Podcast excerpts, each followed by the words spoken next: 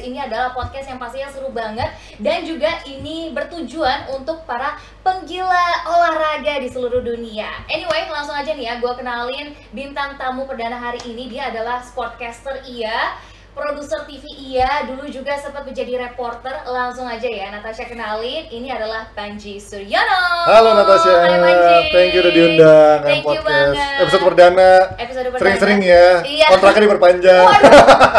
Baru episode perdana ya. Mas Panji, by the way nih, gue ngeliat bahwa ada kesamaan dari kita hari ini tuh nggak? Apa itu? Merah-merah. Merah-merah. Merah-merah. Eh, shout out dulu dong untuk Persija yang baru dapat Piala Menpora Kemarin 2021 kemarin. Congratulations. Congratulations Persija. Merah-merah kita. Untuk merayakan Persija juga untuk pastinya. merayakan Persija dan Ibu hari kota. ini karena kita juga akan membahas tentang salah satu yang katanya ini adalah tim favorit Mas Panji Yes, yaitu Manchester. United. Manchester United. ini gue anyway gue tuh mau nanya dulu deh, gimana Hmm. kesibukan belakangan ini seperti apa sih Mas Panji? Masih tergabung sebagai karyawan swasta di sebuah televisi di Oke. Indonesia di, Di Net Jakarta. TV ya? Iya, TV, oke.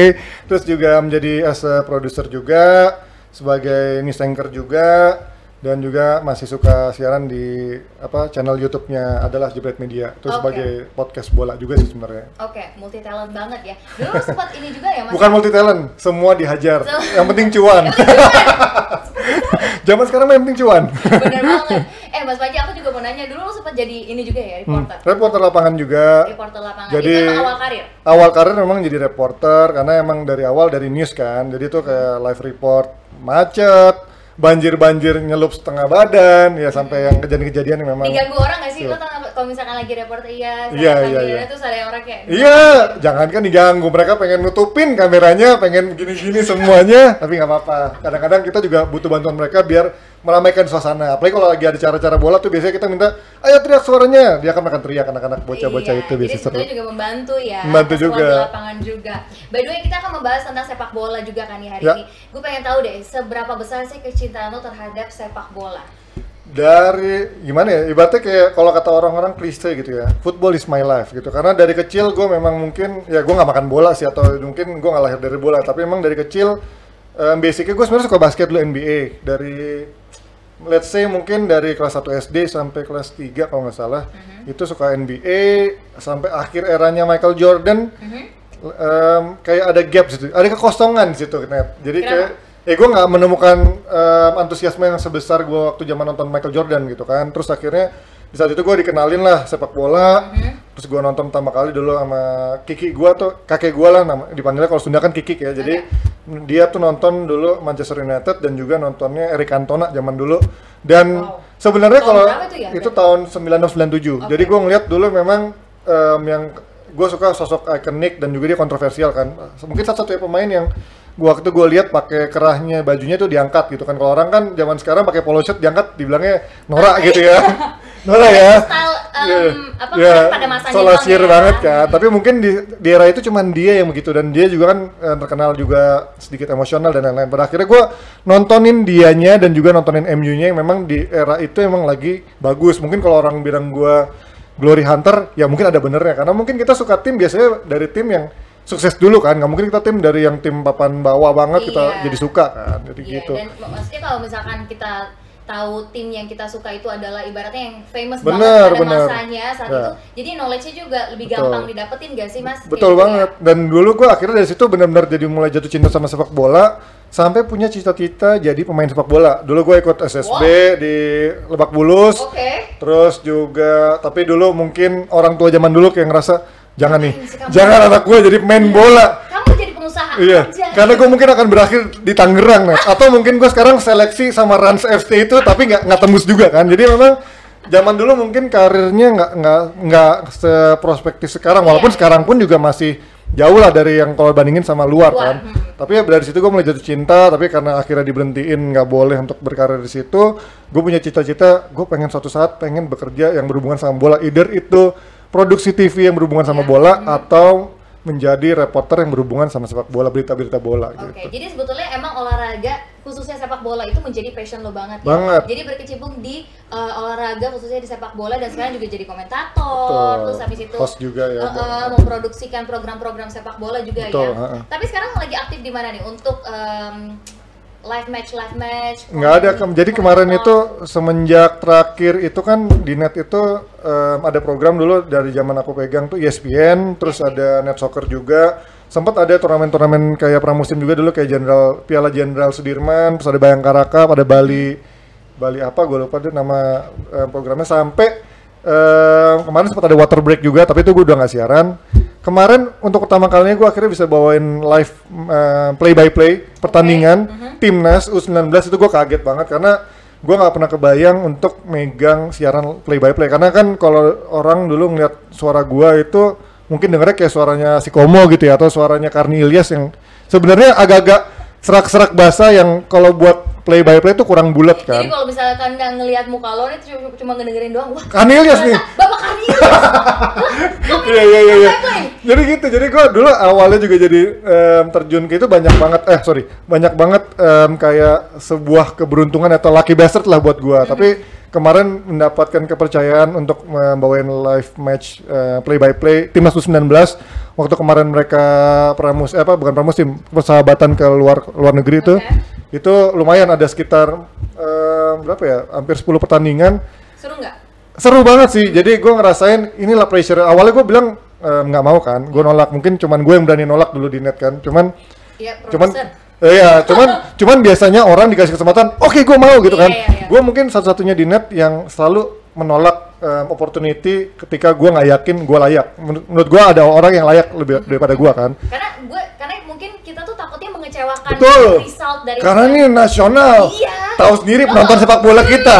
Wah, salah nama, dimaki. makanya. Nah, makanya. Tapi alhamdulillah em, ya ada juga sih yang bilang gua bawainnya masih kaku, masih kurang semangat, tapi banyak juga yang ngasih support. Mantep Mas, semangat lebih semangat lagi gitu. Paling jadi lumayan buat pecutan, buat experience gua walaupun ya gua nggak ngerasa gua sehebat itu sih buat bawain play by play gitu. Iya iya, tapi seru kok. Maksudnya itu kan part of pengalaman juga Betul. ya. Heeh. Tapi gue kayaknya gue rasa suara lo bulat-bulat aja kok mas. Eh, mungkin kelihatan Apa kacamatanya yang bulat-bulat. Apa, ini pipinya yang bulat-bulat? Sebenarnya bukan suara asli lo. ada ini ada perubah suara kayak Batman ya. Iya sih tapi ya itulah karena dulu em, dulu gue pun siaran awalnya by accident. Jadi ada em, orang yang nggak datang, komentator nggak datang. Kalau lo mungkin Ini tahu. lo udah menjabat sebagai produser di net. Udah, Oke. jadi karena mungkin gue dianggap ngerti banget wawasannya, Iya. ngerti banget em, kulitnya luar dalam, apa bahkan em, dagingnya. Akhirnya, Ji, lu aja deh siaran karena udah tinggal 10 menit, udah nggak nggak- iya. nggak mungkin kalau nggak ada orangnya. Akhirnya gue di, di make upin lah tuh, kumis gue dicukur paksa, pakai ya mungkin kalau nggak salah tuh bekas pakai apa cukuran bulu keteknya produser gue gitu kan, cewek Pokoknya cewek. Ujungnya udah ini ya, udah Iya besar udah ya, ini kayak di, ya. di strike. Berarti yang kayak gini kayak kok kok boket. Iya. Iya jadi itu by accident akhirnya gue siaran lah sebagai komentator pertamanya. Oke. Pada akhirnya abis itu em, orang banyak yang bilang kayaknya lo lebih cocok jadi host deh. Akhirnya em, ya udah akhirnya waktu itu juga nggak salah ada host yang juga tiba-tiba sakit. Gantilah gue sebagai host. Tapi akhirnya itu peran antara host dan juga komentator ini masih sering bergantian. Jadi orang masih melihat gue lo sebenarnya host apa komentator sih? Iya, Sampai nggak sekarang jadi host. dong dua-duanya. apa-apa. Salah satunya juga ada salah satu em, komentator em, Mas Adiani ya. Iya, iya, juga iya. komentator Juga dan juga host juga. nge-host juga Betul. gitu loh. Jadinya multi talented juga. Betul. Anyway, gue mau tanya nih, siapa pemain sepak bola favorit lo? Sebenarnya kalau yang pertama kali melihat apa bikin gua nengok adalah Eric Cantona. Cuman kalau mau ngeliat em, sampai sekarang all time adalah David Beckham karena gua lahir di zamannya boy band di mana zaman rambut belah tengah tuh sangat kece banget. Oke, rambut tengah tuh habis itu ada band. Nah, gitu, ya kalau ya kan udah kayak domba lah zaman dulu kan ada sampai ada Zainal Abidin domba karena rambutnya belah tengah domba. Itu gua sampai dulu majang posternya David Beckham. Tapi karena poster ya? poster pin up, poster pin up. Tapi nggak cuma Beckham sih dulu main-main bola gua tempelin Mhm, semua. Tapi emang uh, mostly paling banyak Beckham karena selain looks-nya dia juga punya penampilan yang memang punya ikonik kan dulu sampai kakinya dia waktu nendang free kicknya kan emang banyak yang bilang tuh kakinya Beckham agak sedikit pengkor lah atau kayak panjang sebelah. Iya. Maka ketika free kick tuh dia kayak agak sedikit um, Badannya. badannya agak sedikit melengkung gitu kan sampai dibikinin eh, posisi badannya di Adidas. Mhm. Itu jadi emang menurut gua nih orang emang punya semuanya nggak cuma jago main bola, tapi juga punya sosok yang bisa em, dijual di luar lapangan. Bener banget. Lengkap satu- lah. Dan prestasinya juga wah nggak usah Wah diragukan banget, lagi ya, ya. Anyway, selain sepak bola ada nggak sih olahraga lainnya yang lo gemari? Sebenarnya gue masih suka ngikutin sedikit-sedikit tuh NBA, Em, badminton kalau Indonesia main doang ya pastinya ngikutin juga. Em, tenis udah mulai kehilangan ket- ketinggalan setelah kemarin eranya Federer udah mulai turun walaupun sekarang juga sempat naik lagi kan sekarang udah eranya Djokovic, Nadal pun juga udah mulai turun, udah mulai agak sedikit nggak ngikutin Udah, sih. ya, udah. F1 pun juga udah mulai em, lost banget semenjak em, kemarin Alonso udah ke Ferrari udah mulai ah udah kurang menarik nih karena yang juara udah mulai Mercedes Mercedes mulu kan udah mulai Sebetulnya udah kayak udah kurang. eranya udah yang muda-muda lagi Iya. naik. Atau mungkin catur Dewa Kipas enggak lah. enggak, enggak, enggak. Enggak, enggak, enggak. Gua enggak tertarik catur sih. Cuman ah emang gua enggak enggak, enggak suka sih olahraga yang terlalu em, lama atau mikir gitu kan. Oke, iya sih itu bener-bener mengolah ini banget Bener. ya. Tapi lo bisa main ya, Mas? Bisa catur mah bisa. Gue bisa juga main ya. Tapi kalau lawan kemarin Grandmaster mah paling cuma tiga langkah udah langsung kalah. Dewa Kipas aja bingung. langsung terbaca. iya, langsung kebaca. Otak pas-pasan mau ngelawan Grandmaster, nggak mungkin. Ya lo nonton ya? Seru banget. sampai habis deh. Itu nembus rekor kan, live streaming YouTube sampai tembus berapa juta tuh kalau nggak salah 2 biasa juta ya. tuh gila banget sama Dedi, gila sih yang. Ya udah, M podcast gimana kalau Kita mau coba live stream juga podcast. Mas Panji lawan Dewa Kipas. Wow. Iya. eh, Mas Panji gue mau nanya dong dulu waktu eh, menjadi reporter itu Hmm. ya, ada nggak sih kesan Tunggu, berapa lama nih lu waktu itu jadi reporter? Dulu gue sempat di em, reporter dari apa media on ah bukan online sih, online sekaligus media cetak kan dulu ada namanya soccer gitu ya, masih gue freelance di sana, terus akhirnya terjun ke MNC TV News itu gue satu tahunan, habis itu ke net tuh juga sempat hampir dua tahun, baru akhirnya naik jadi produser. Jadi total mungkin jadi reporter sekitar eh, dua setengah tahunan kali ya, Dua setengah dua tahun. tahunan. Ada nggak sih pengalaman yang menurut lo itu nggak terlupakan? Karena jadi reporter itu menurut gue adalah profesi yang salah satu yang unik dan juga keren gitu loh. Lo Hmm. harus nge-report live li- report Ya, ya, ke mana-mana, ketemu dengan banyak orang yang sebetulnya stranger belum pernah lo ketemu sebelumnya. Hmm. Terus ke tempat-tempat lokasi yang sebetulnya ya lokasi banjir Bener, bener, tadi bener, kan. bener. Ada nggak? Banyak pengalaman? sih, cuman ya itu yang paling berkesan ya salah satunya banjir yang which is itu sebenarnya tiap tahun bakal kejadian itu di, Iya. di daerah Jakarta Timur Kampung Pulau tuh Langganan ya. hampir selalu langganan dan kita pasti harus nyemplung di em, setengah badan itu kan dan ya sambil ngelihat orang-orang yang ngetawain ada kecoa-kecoa lewat gitu kan Jadi lo nyemplung ya? nyemplung Pas pastinya sampai dalam dong. ya sampai ke dalam meresap lah pokoknya jadi terus juga kerja wawancara orang-orang DPR yang which is gue Oh, biasanya iya. cuma ngeliat TV dari TV doang kayak dulu pengen kayak maki-maki nih kerjanya apa sih tapi ternyata pas gue wawancara gue ciut juga kan hei pak gimana pak gitu kan Pokoknya pas gue mau wawancara dia, oke nih, gue Tapi- akan menyampaikan keluh kesah ternyata tidak ya. Iya, iya. dan juga. dulu gue juga lama kan sebenarnya di kriminal kan, atau Oke. atau crime dan juga em, peristiwa. Jadi itu dulu ironisnya adalah reporter-reporter kriminal itu ketika nggak ada kejadian yang sadis atau kejadian yang sangat besar kayak kecewa gitu, ya nggak ada berita nih, gitu. Jadi Berarti se- secara sedikit- tidak langsung juga mengharapkan adanya kriminal. Iya, bu- bukan bukan dalam arti kayak misalnya kejadian gini ya, atau kebakaran nggak kan nggak cuma kriminal, jadi kayak ada kebakaran gitu ya. Kadang Oke. kita berharap nih em, kayak ada korbannya gitu kan. Itu udah kayak mengurangi apa ya sim, eh, antipati kita sama orang, simpati kita sama orang. Karena kalau kita ngeliput kebakaran nggak ada korbannya atau minimal kebakarannya sangat besar, em, em, kerugiannya sampai berapa miliar itu akan menarik atau minimal ada misalkan ada korban meninggal itu akan menjadi berita yang sangat besar. Tapi kalau nggak ada tuh kita pulang dengan tanah hampa. Jadi kayak Oh. lo dapat apa? Kebakaran bedeng atau kebakaran rumah gudang nggak ada nggak ada korbannya, kerugian juga nggak terlalu besar. Udah buang aja nggak dapet gitu. Jadi Serius, jadi berita kayak gitu nggak masuk. Jadi kita akhirnya kayak ada misalkan nih dulu gua jam malam itu nongkrong di daerah Palang Hitam situ daerah Tubun gitu ya. Jadi memang kalau misalkan ada kejadian nih ada kecelakaan di mana ada orang meninggal atau ada kejadian apa kebakaran ada korban meninggalnya mereka akan berangkat naik ambulans untuk ngambil mayatnya nah itu kita akan ngikutin Ngikutinnya justru ambulansnya ini Nah, nih, diikutin. Iya, jadi istilahnya kalau di istilah reporter atau lapangan eh, jurnalis itu istilahnya bandeng kalau ada kalau ada jenazah atau mayat. Kalau udah dengar ada bandeng, kita langsung berangkat ngebut-ngebutan karena langsung kejar-kejar sama Iya. ambulan. Tapi itu jadi ironis gue mikir gila kali ya. Gue malah ngejar, malah ada mengharapkan ada bandeng. Ini gue malah seneng gitu. Akhirnya gue nggak. Gue kayak nggak waras. Akhirnya gue untung dipindahin dari kriminal ke yang mode yang daily lah, yang liputan-liputan politik, liputan yang Oke. biasa lah. Tapi seru ya, emang Seru banget. reporter jurnalistik itu adalah menarik banget gitu. Menarik. Gua juga pengen sih sebetulnya, cuma nggak nyampe Jangan. gitu.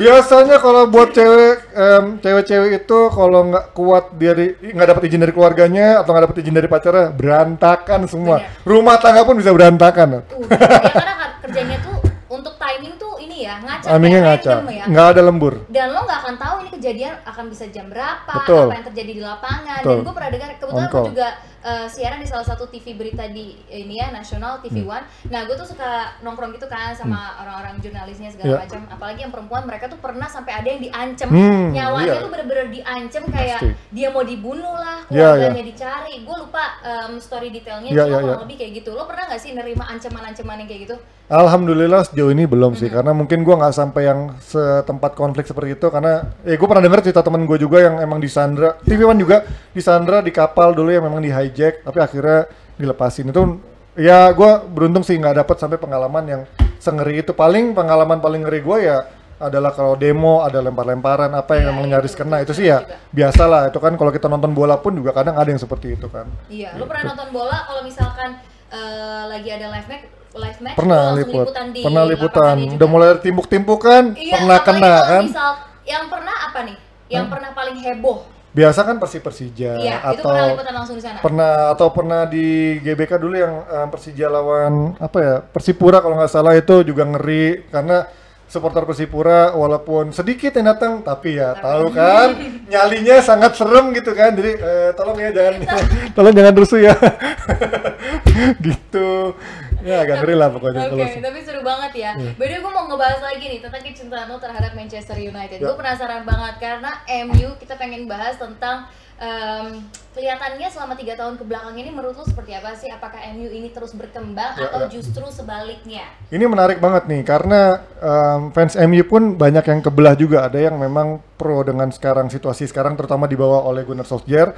Ada yang memang kontra dengan situasi sekarang karena biasanya yang kontra itu berkaca kepada kesuksesan di masa lalu dibawanya Sir Alex Ferguson ataupun ya tahun Oke, 50-an jadi atau sebetulnya 60-an ya. karena di compare-compare Kita nggak move on karena mungkin udah kebiasaan sukses jadi miliar ibaratnya jadi orang kaya kalau merat tiba-tiba jadi tinggal apa turun dari bawah lagi kayaknya agak susah gitu kan. Tapi kalau kita ngelihat banyak case di klub-klub besar, let's say Arsenal sekarang di peringkat berapa gitu kan. Dia punya punya resources, punya kekayaan tapi itu nggak bisa membeli prestasi kan dan juga nggak bisa membeli kesolidan. Terus juga kemarin MU berkali-kali ganti pelatih punya CV sangat em, mumpuni lah Louis van Gaal. Gua usah hitung David Moyes lah. David Moyes tuh kegagalan Oke.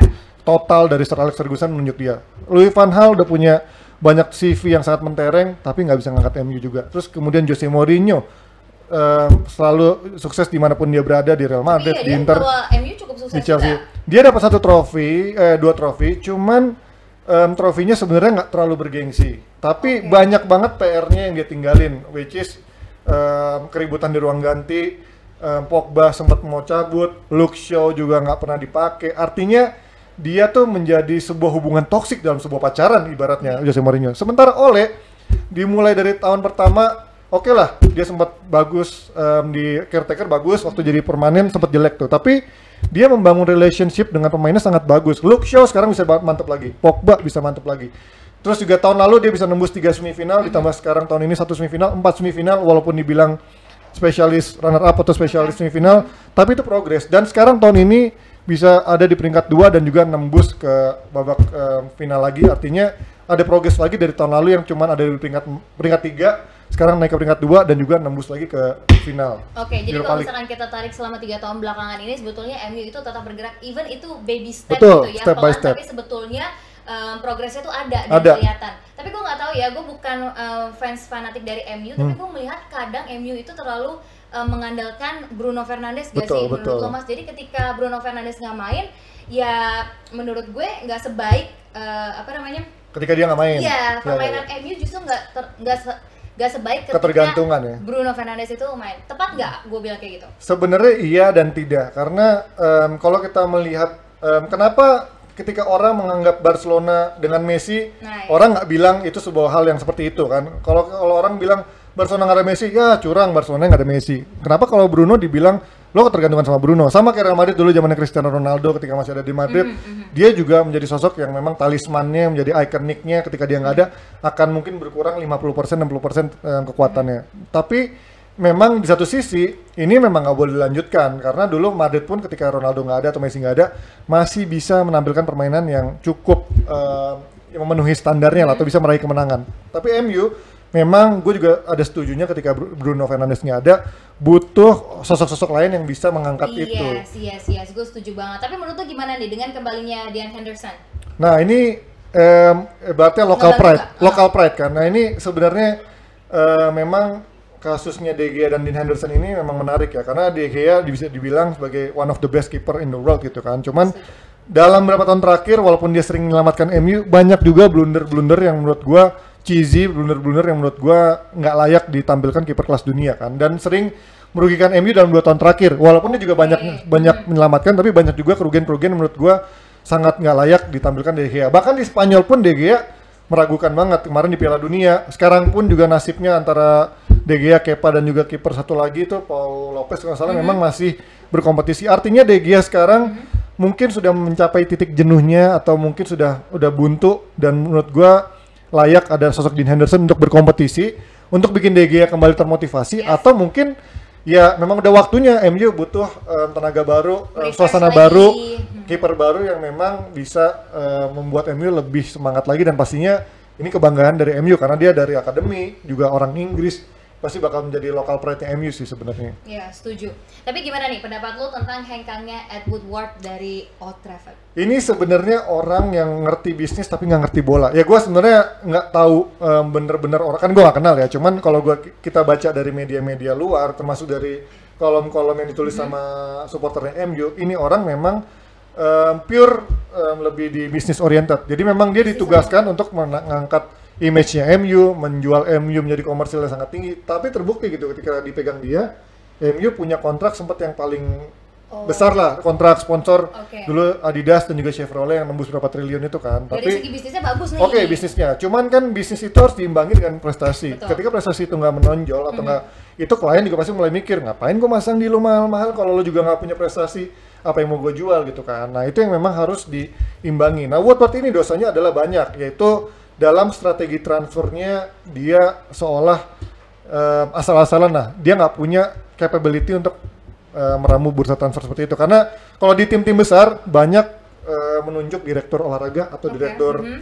atau ibaratnya orang yang maha gurunya untuk untuk urusan transfer. Jadi dia yang memang paham banget untuk, untuk pemain yang tepat dari statistiknya dari scoutingnya nah di MU ini nggak ada yang orang yang bisa seperti itu mungkin scoutingnya banyak cuman yang in charge-nya dulu kan Ferguson ya Iya. dia bisa merangkap pelatih juga tapi untuk Iya, urusan tapi untuk- pemain Nah. juga kan. Tapi kalau di sini nggak ada. Nah makanya sekarang di bawah yang baru ini ada ada satu udah ditunjuk sih sebenarnya direktur olahraganya yang memang bekerja sama sama Ole dan juga para scoutingnya yang diharapkan bisa lebih sinergis. Nah Woodward ini berapa kali em, kalau gue lihat dari interviewnya Van Hal, Jose Mourinho sering banget em, nggak menuhin kemauan pelatih di musim keduanya gitu. Jadi Jadi maksudnya dia freestyle. Dia Musim pertama, iya, jadi dia kayak- menurut dia ini aja. Jadi kayak ibaratnya pelatih nih, Natasha kamu CV-nya apa? Eh, maunya kayak gimana? Nggak ditanya tuh, jadi cuma ditanya CV tapi nggak tahu mau mainnya kayak apa. Oke. Jadi mau mainnya bertahan, mainnya menyerang tuh nggak nggak jadi prioritas sama si Woodward gitu kan. Oke. Jadi makanya kayak Van Hal, abis itu ke Mourinho.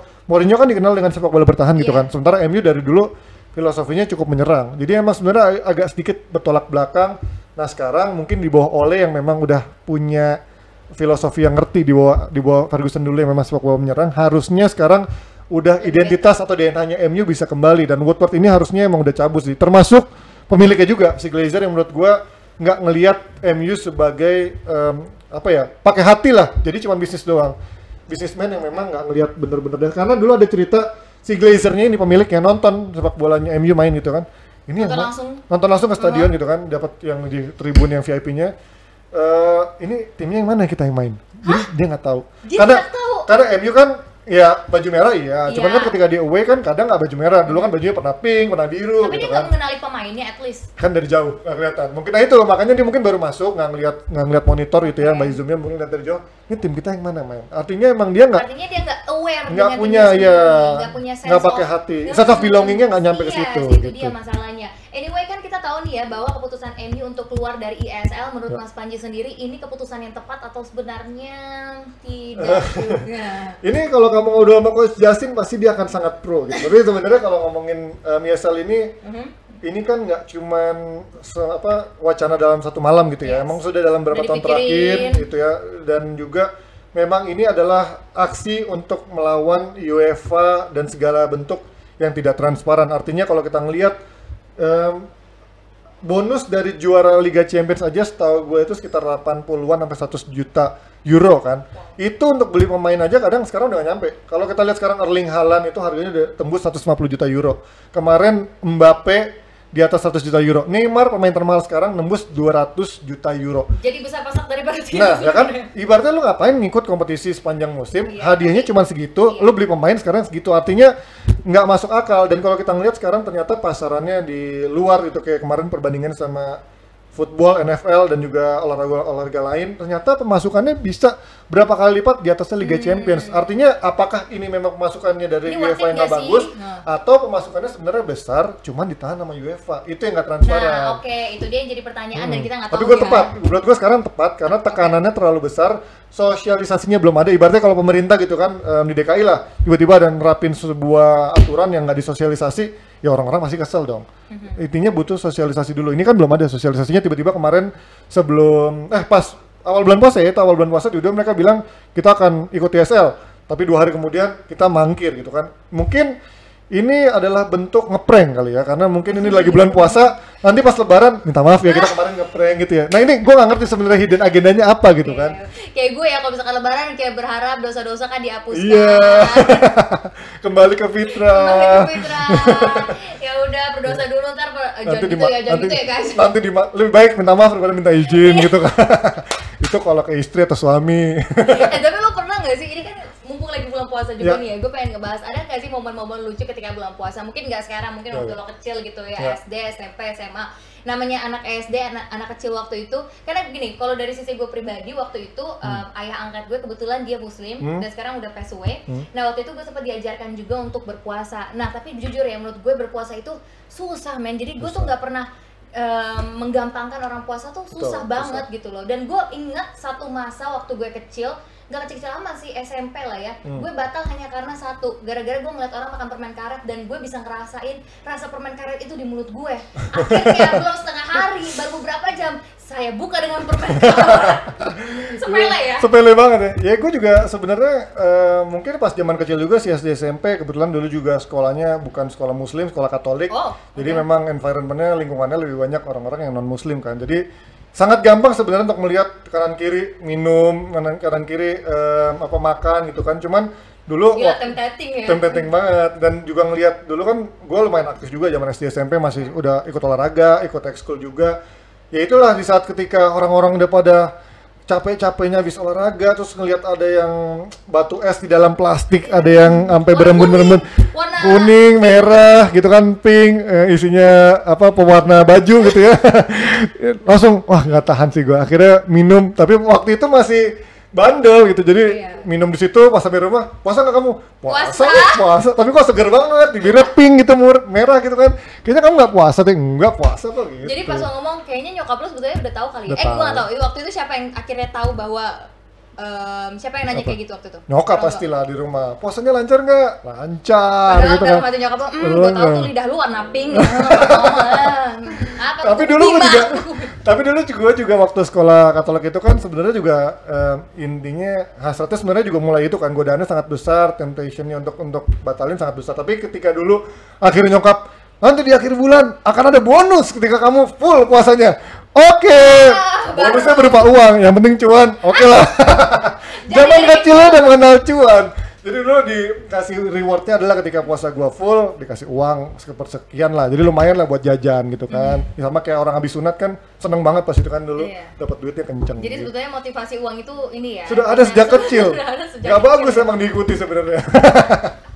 Tapi bikin kita jadi lebih semangat Iya, gitu iya, ya. betul. Eh by the way gue mau ngebahas nih, semalam itu kan wah pecah banget sih menurut gue ya. Iya, iya. Kalau misalnya ya? kita tahu, eh finalnya Piala Menpora nih Iya. ya 2021 ini kebetulan kemarin semalam juga gue ngebawain ininya live matchnya, match-nya. ya dan gue menjadi saksi langsung si Persija melawan Persib, Persib. Hmm. ya seperti yang kita tahu di leg pertama Persija benar-benar mengandalkan pemain mudanya banget nah gimana nih menurut Mas Panji sendiri mengenai Piala Menpora yang udah berlangsung kemarin Iya. Sebenarnya kalau secara overall ini musim ini sangat ya memberikan apa ya memberikan menjawab kerinduan dari supporter Indonesia yang Yes. memang pengen banget ada kompetisi setelah kemarin break karena pandemi dan ini menjadi sebuah tes apakah kita mampu menjalankan protokol em, dengan nonton di rumah aja dan juga bagaimana para pemain kita maupun staff-staffnya dan seluruh em, yang berke yang terlibat itu untuk menjaga protokol di saat turnamen ini berlangsung. So far sebenarnya oke sampai pada akhirnya em, kemarin pasca final ada kejadian-kejadian yang nggak enak, ada supporter yang cukup rusuh, merusak di daerah sana gitu kan, yang memang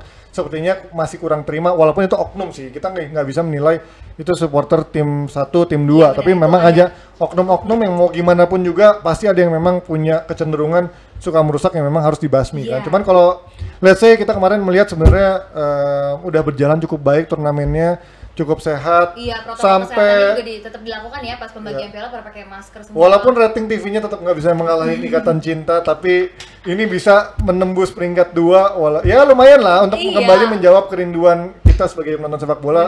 Semoga nanti dengan adanya musim ini bisa nanti kompetisi resminya bisa dijalankan dengan baik. Kemarin juga ngelihat Persija mainnya juga oke bagus ya. karena Di di leg kedua? di leg kedua, leg pertama, leg kedua sangat bagus gitu ya dan dia punya kedalaman squad yang memang lebih merata menurut gua dibandingin tim-tim lainnya. Ya Persib oke lah, cuman Pers- Persija ini pemain-pemainnya sedikit bermain lebih lama dan juga ya lebih siap dibandingin sama tim-tim lainnya memang lebih banyak nyobain pemain mudanya. Nggak salah sih karena serba salahnya adalah tuntutan kita em, tuntutan kita juga serba instan kan. Kadang ketika di turnamen pramusim kalau di Eropa Iya. ini untuk nurunin pemain U- U- U19, U8, U21 gitu kan. Emang nggak pernah punya jam terbang main di tim utama. Beda kalau sama kita, kalau misalkan kita nurunin pemain muda ternyata ntar nggak juara, ujung-ujungnya pelatihnya Iya. dipecat atau misalkan dibombardir di media massa. Serba salah. Jadi menurut gua eh, Persija kemarin udah menjalani pramusim itu dengan baik, walaupun di awal juga pelatihnya sempat dibully ya gitu dengan ngapain lu nurunin pemain-pemain utama, pemain-pemain naturalisasi segala macam Ternyata terbukti terbukti sekarang ya ketika kemarin dia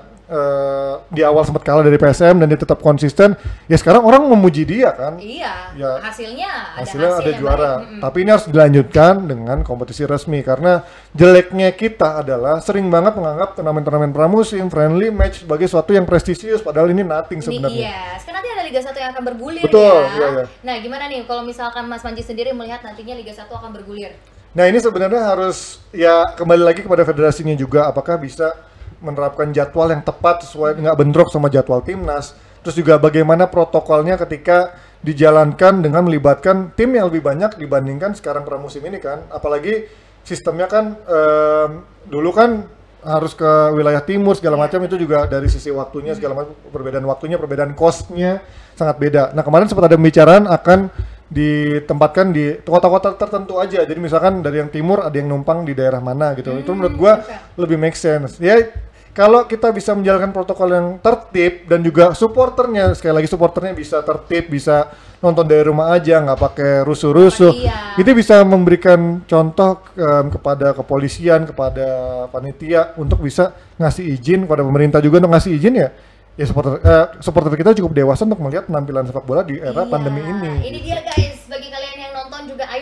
harus Ya, tertib, kita tertib juga harus pastinya. bisa mematuhi protokol kesehatan supaya nantinya nih eh, liga-liga ini bisa berjalan lagi, Betul. bergulir lagi dan Betul. kita akan sama-sama bisa support tim kebanggaan kita. Ya. Tapi kalau kita balik lagi ke nantinya Liga 1 akan bergulir di bulan Juli, Hmm. kira-kira tim mana sih yang menurut lo Mas Panji ini bisa mendominasi nanti? Masih sih, gue melihat ya tim-tim yang memang punya persiapan cukup eh, Matang ya? matang ya kayak Persija dan juga Bali United, terus Persib, terus juga ngelihat kemarin ada Arema juga. Kemarin gue juga ngeliat sebenarnya PSM walaupun nurunin pemain-pemain banyak pemain muda gitu ya. Bahkan kita ngeliat kemarin gue sempat sempat agak kaget gitu kok. Hah, ada nama Erwin Gutawa. Rasanya tuh tangan pengen langsung gini aja kan gitu kan. Nyata dia bukan komposer, dia pemain bola. Dan kemarin ganti profesi? dan kemarin gue sempat ngeliat, tapi penampilannya juga juga kece. Artinya semangat semangat inilah yang harus ditunjukkan tim-tim muda. Gue justru dibanding melihat em, tim-tim besar yang memang sudah siap, gue lebih pengen ngelihat tim-tim yang bisa ngasih kejutan dengan pemain-pemain mudanya, which is Iya. kayak PSM ini atau misalkan nanti ada PSS Sleman PSS Sleman juga kemarin Ah, dengan ada Irfan Badi, Iya. Irfan Badin kan, ada Irfan Jaya, ada em, siapa lagi kemarin Arthur Irawan, ya walaupun Arthur Irawan nggak banyak main ya, tapi Hmm. dia punya kemarin ada kejutan-kejutan yang cukup lah bisa bikin kita jadi bilang, wah kuda hitam nih, gitu. Oke. Optimis lah, Iya, tapi optimis, ya. optimis. Nah, menurut lo gimana nih kalau misalkan ngelihat eh, Piala Menpora kemarin peluang dari Persib sendiri nanti di Liga 1? Balik lagi, ini menurut gua cukup. Kemarin Persib sebenarnya punya track record perjalanan yang bagus dari fase grup sampai Iya, nggak terkalahkan justru kan, awal-awalnya nggak terkalahkan, lebih meyakinkan Iya, dibanding meyakinkan. Persija. Nah makanya ya mungkin inilah namanya pramusim persiapannya mepet, mereka juga masih em, kemarin em, apa, kondisinya juga mungkin nggak bugar semua, terus juga chemistry-nya mungkin belum kejalin semua. iya. Ini yang makanya kita layak ditonton nanti ketika mereka sudah persiapannya cukup mantap di liga di liga yang memang resmi harusnya ini bisa dimantangkan lagi untuk tim-tim besar yang punya kedalaman yang juga pastinya lebih mewah. Iya, benar banget. Tapi lo yakin gak sih Mas bahwa eh, dunia sepak bola Indonesia nih kelak akan bangkit? Ini aja udah bangkit banget ya. Bangkit itu sebenarnya balik lagi sih kita eh, masih butuh pembuktian ya karena kita lihat jadwal kompetisi aja sering banget geser, sering banget bentrok. Artinya harus Apalagi ada adanya pandemi ini gak sih? Betul. Semuanya jadi lebih nggak jelas lagi. Dan dari sisi bisnisnya juga kemarin banyak banget yang berantakan kan karena kalau kita ngeliat sebenarnya kemarin banyak klub-klub yang akhirnya uh, sempat kayak tutup sementara mundur karena nggak sanggup bayar gaji nggak sanggup bayar segala macam Banyak juga pemain-pemain sepak bola betul akhirnya nganggur kan Jualan, ya nggak sih? ya makanya itu dia kayak- kayaknya kita butuh daya tarik lebih juga supaya ayo dong sponsor-sponsor juga lebih membantu klub-klub kita gitu kan Yes. supaya klub-klub kita bisa hidup dan sepak bola kita bisa lebih berjaya ke depannya Benar gitu banget. Eh, kalau misalkan kayak lo liputan-liputan langsung gitu di lapangan, biasanya Mas Majid kan udah beristri ya, Hmm? Udah. sudah menikah ya. Udah. Tuh istri suka komplain gak sih waktu dulu? Hmm, enggak sih, paling komplainnya waktu aja sih, Nat. Jadi ya dulu kan waktunya suka nggak jelas, pulang jam 3 pagi, tiba-tiba di jam 8, jam 9 pagi udah di kantor lagi dan sering gitu kejadiannya. Pada akhirnya sering ketinggalan hari raya,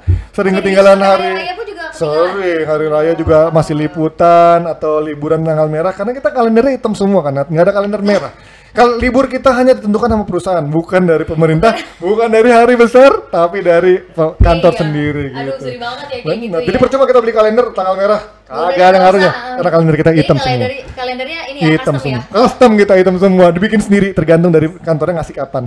tapi mis- tapi ya gue pribadi kalau misalkan uh, bekerja gitu ya dari pagi sampai ketemu pagi Hmm. lagi sampai kadang nggak ada liburnya gue ngerasa bahwa badan gue capek tapi di situ gue ngerasa fulfill gitu loh gue ngerasa enjoy karena emang passion gue salah satunya adalah di olahraga Betul. walaupun gue nggak mendalami olahraga kayak sepak bola tuh yang seperti pengetahuannya para komentator Ya. nggak yang sampai sengelotok itu ya Hmm. tapi gue tuh selalu seneng yang berhubungan dengan olahraga Ya, ya, gitu loh pengetahuan baru buat gue iya nggak sih jadi Benar. badan tuh ngerasa capek tapi hati tuh gue tetap ngerasa seneng Passionnya dapet ya. passionnya tuh dapet environmentnya dapat emang ya jadi gue juga dulu kerja kayak gitu kan yang tadi gue bilang pulang jam 3 pagi jam 8 pagi udah di kantor lagi tapi gue kerjainnya dengan senang hati karena inilah passion gue ketika gue kemarin pengennya nggak jadi main bola nggak kesampaian terus juga pengen menjadi pelatih kayaknya nggak mungkin gitu ya. Pelatih lebih mandesul lagi di Indonesia gitu ya. Terus akhirnya gue jadi orang pertama jadi tim produksinya menurut gue tuh udah menyenangkan. Sampai akhirnya gue jadi host jadi yaudah nih berarti ini udah hidup gue gitu. Gue di belakang layar maupun depan layar untuk sepak bola ataupun untuk olahraga. Jadi ya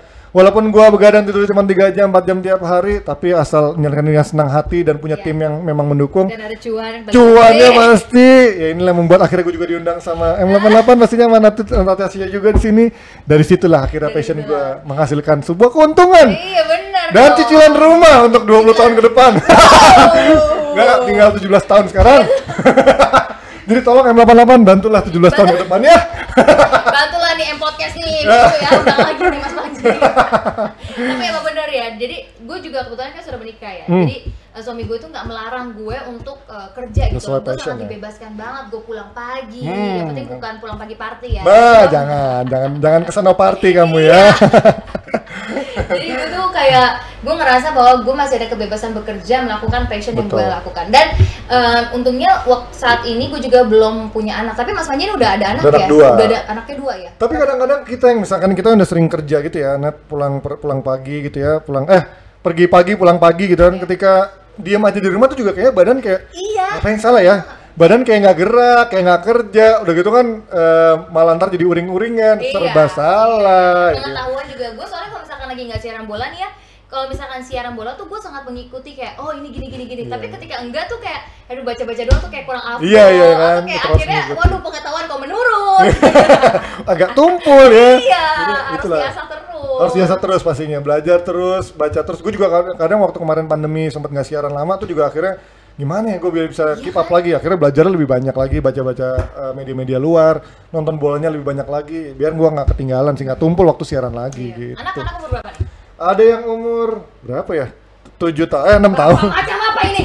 Ya, enam tahun enam tahun dan juga uh, satu lagi tiga tahun. Jadi beda tiga tahun tiga tahun makanya ntar masuk sekolahnya mahal. Jadi tolong bantu lagi M88 eh, ini bantu lagi tolong ya udah anak masuk SMA barengan sama anak masuk SMP karena dia tiga tahun kan itu bayarnya tahu sendiri sekolah zaman sekarang ya Allah. Iya, tenang aja ntar Mas Andi gue suruh undang lagi tapi 20% mantap ya. ya ada uang manajernya ya? Ada agensi ternyata juga di sini ya ya ya ya, ya gitu Tapi sih seru banget ya, punya anak tuh juga seru banget. Seru sih? banget. Kalau misalkan pulang kerja lo pulang ke rumah ngelihat anak, Iya, ya nggak iya. sih, bikin semangat lagi, bikin, Bikin pengen cari semangat. cuan lagi. Iya, tapi kadang juga bikin apa ya, eh, bikin capek lagi gitu ya. tapi kadang kasihan juga kadang-kadang anak-anak ketika ketemu kita yang udah dapet capeknya doang kan. Kadang kita butuh istirahat. Aduh, tidur cuma lima jam, tapi pengennya yang berkualitas. Tapi kan kadang-kadang anak-anak nggak ngerti, ngerti itu kan. Jadi akhirnya kita tidur cuma tiga jam, dua jam. Tapi ya kadang kalau lagi nggak sabar suka sedikit marah. Tapi kalau lagi sabar ya bisa main mereka dengan normal karena mereka juga di satu sisi kan kasihan juga tahu eh, orang tuanya kerjanya kayak gitu. Ya kita juga harus mulai ngerti lah sama anak-anak dengan membagi waktu sama mereka semaksimal mungkin pastinya. Iya benar banget. Eh terakhir dong Mas Panji, begini ya. Apa harapan lo terhadap sepak bola Indonesia ke depannya? Gue sih berharap yang pasti itu tadi sepak bolanya federasinya berjalan dengan baik. Pembibitan jadi nggak cuman instan, ada pembibitan dari usia muda, perbanyak lagi lapangan-lapangan bola dan juga em, kita harus melihat bakat-bakat muda kita. Kompetisi-kompetisi digalakan lagi dari yang usia muda karena kalau belajar dari kompetisi luar atau dari akademi luar itu kalau ngelihat anak umur 14 tahun itu adalah penentuan pemain eh, anak kecil itu bisa jadi pemain bola apa enggak. Jadi ibaratnya lah masih ya gitu yang ngelihat anak empat- anak 14 tahun nggak dilihat nggak punya bakat untuk main bola, dia bilang kamu nggak punya bakat. Tapi biasanya mereka akan men- eh, menyalurkan misalkan kamu coba deh jadi staff bagian apanya, jadi scoutingnya bagian. Tapi tetap di budidaya apa diberdayakan gitu kan. Kalau kita kan kamu nggak cocok jadi pemain, udah deh. Tiba-tiba di Tangerang nunggu seleksi gitu kan, terus akhirnya main sama orang-orang luar gitu yang nggak bener Iya, gitu kan. Akhirnya itu yang menurut Kita kita, selektif lagi dan ya berarti. pastinya juga sepak bola kita lebih memperhatikan para para atletnya yang memang nggak ya dari sisi pendapatannya ditingkatkan. Ini karena benar. banyak juga kalau kita lihat mantan mantan pemain sekarang nasibnya kan banyak yang nggak jelas iya juga kan. iya berarti kan ada yang gap antara penghasilan pemain bola zaman sekarang dengan gap di masa lalu. Jadi menurut gua kesenjangan dari eh eh, kesejahteraan dari para pemain atlet sendiri itu juga harus diperhatikan Pembinaan dari atlet muda itu juga harus diperhatikan kompetisi usia muda jangan maunya yang instan mulu Betul. kompetisi jadwalnya juga harus dires- apa harus dirapihkan juga dan juga coba lebih berdayakan para pemain-pemain lokal walaupun juga kita tidak menutup kemungkinan pemain-pemain asing untuk menambah daya tarik dari kompetisi kita pastinya itu sih Oke, itu dia sebetulnya akan harus ada banyak yang diperbaiki. Banyak tapi banget pokoknya semoga sepak bola Indonesia Ya. semakin maju, semakin, Semakin maju. sukses. ya sukses untuk Indonesia Ya, kayak lagi ini ya kampanye. jaya jaya jaya jaya prediksi itu motor dong jangan Oke. kita nggak dipromosin mereka Iya, jangan. ya kalau mau nanti masuk sih boleh. Boleh, ya. boleh, boleh. nomor ini. Bener. Ya. Ada ya. ya udah, Ya. Suryono terima kasih banyak Thank you, hari ini Natasha. seru banget obrolannya bareng lo. Salam untuk keluarga, Salam sehat selalu juga. pastinya ya. Betul. Oke teman-teman semuanya, thank you banget udah menyaksikan M Podcast episode perdana. Jangan lupa untuk selalu menyaksikan M Podcast. Anyway, gue mau disclaimer dulu. Untuk podcast ini semuanya telah mematuhi protokol kesehatan sebelumnya. Hmm. Betul. Ya, kita juga udah pakai hand sanitizer. Sebelum siaran juga udah pakai masker. Pakai masker. Dan jangan lupa untuk selalu menyaksikan M Podcast. Gue Natasha Germania. See you next episode. Bye bye. Jaga kesehatan selalu.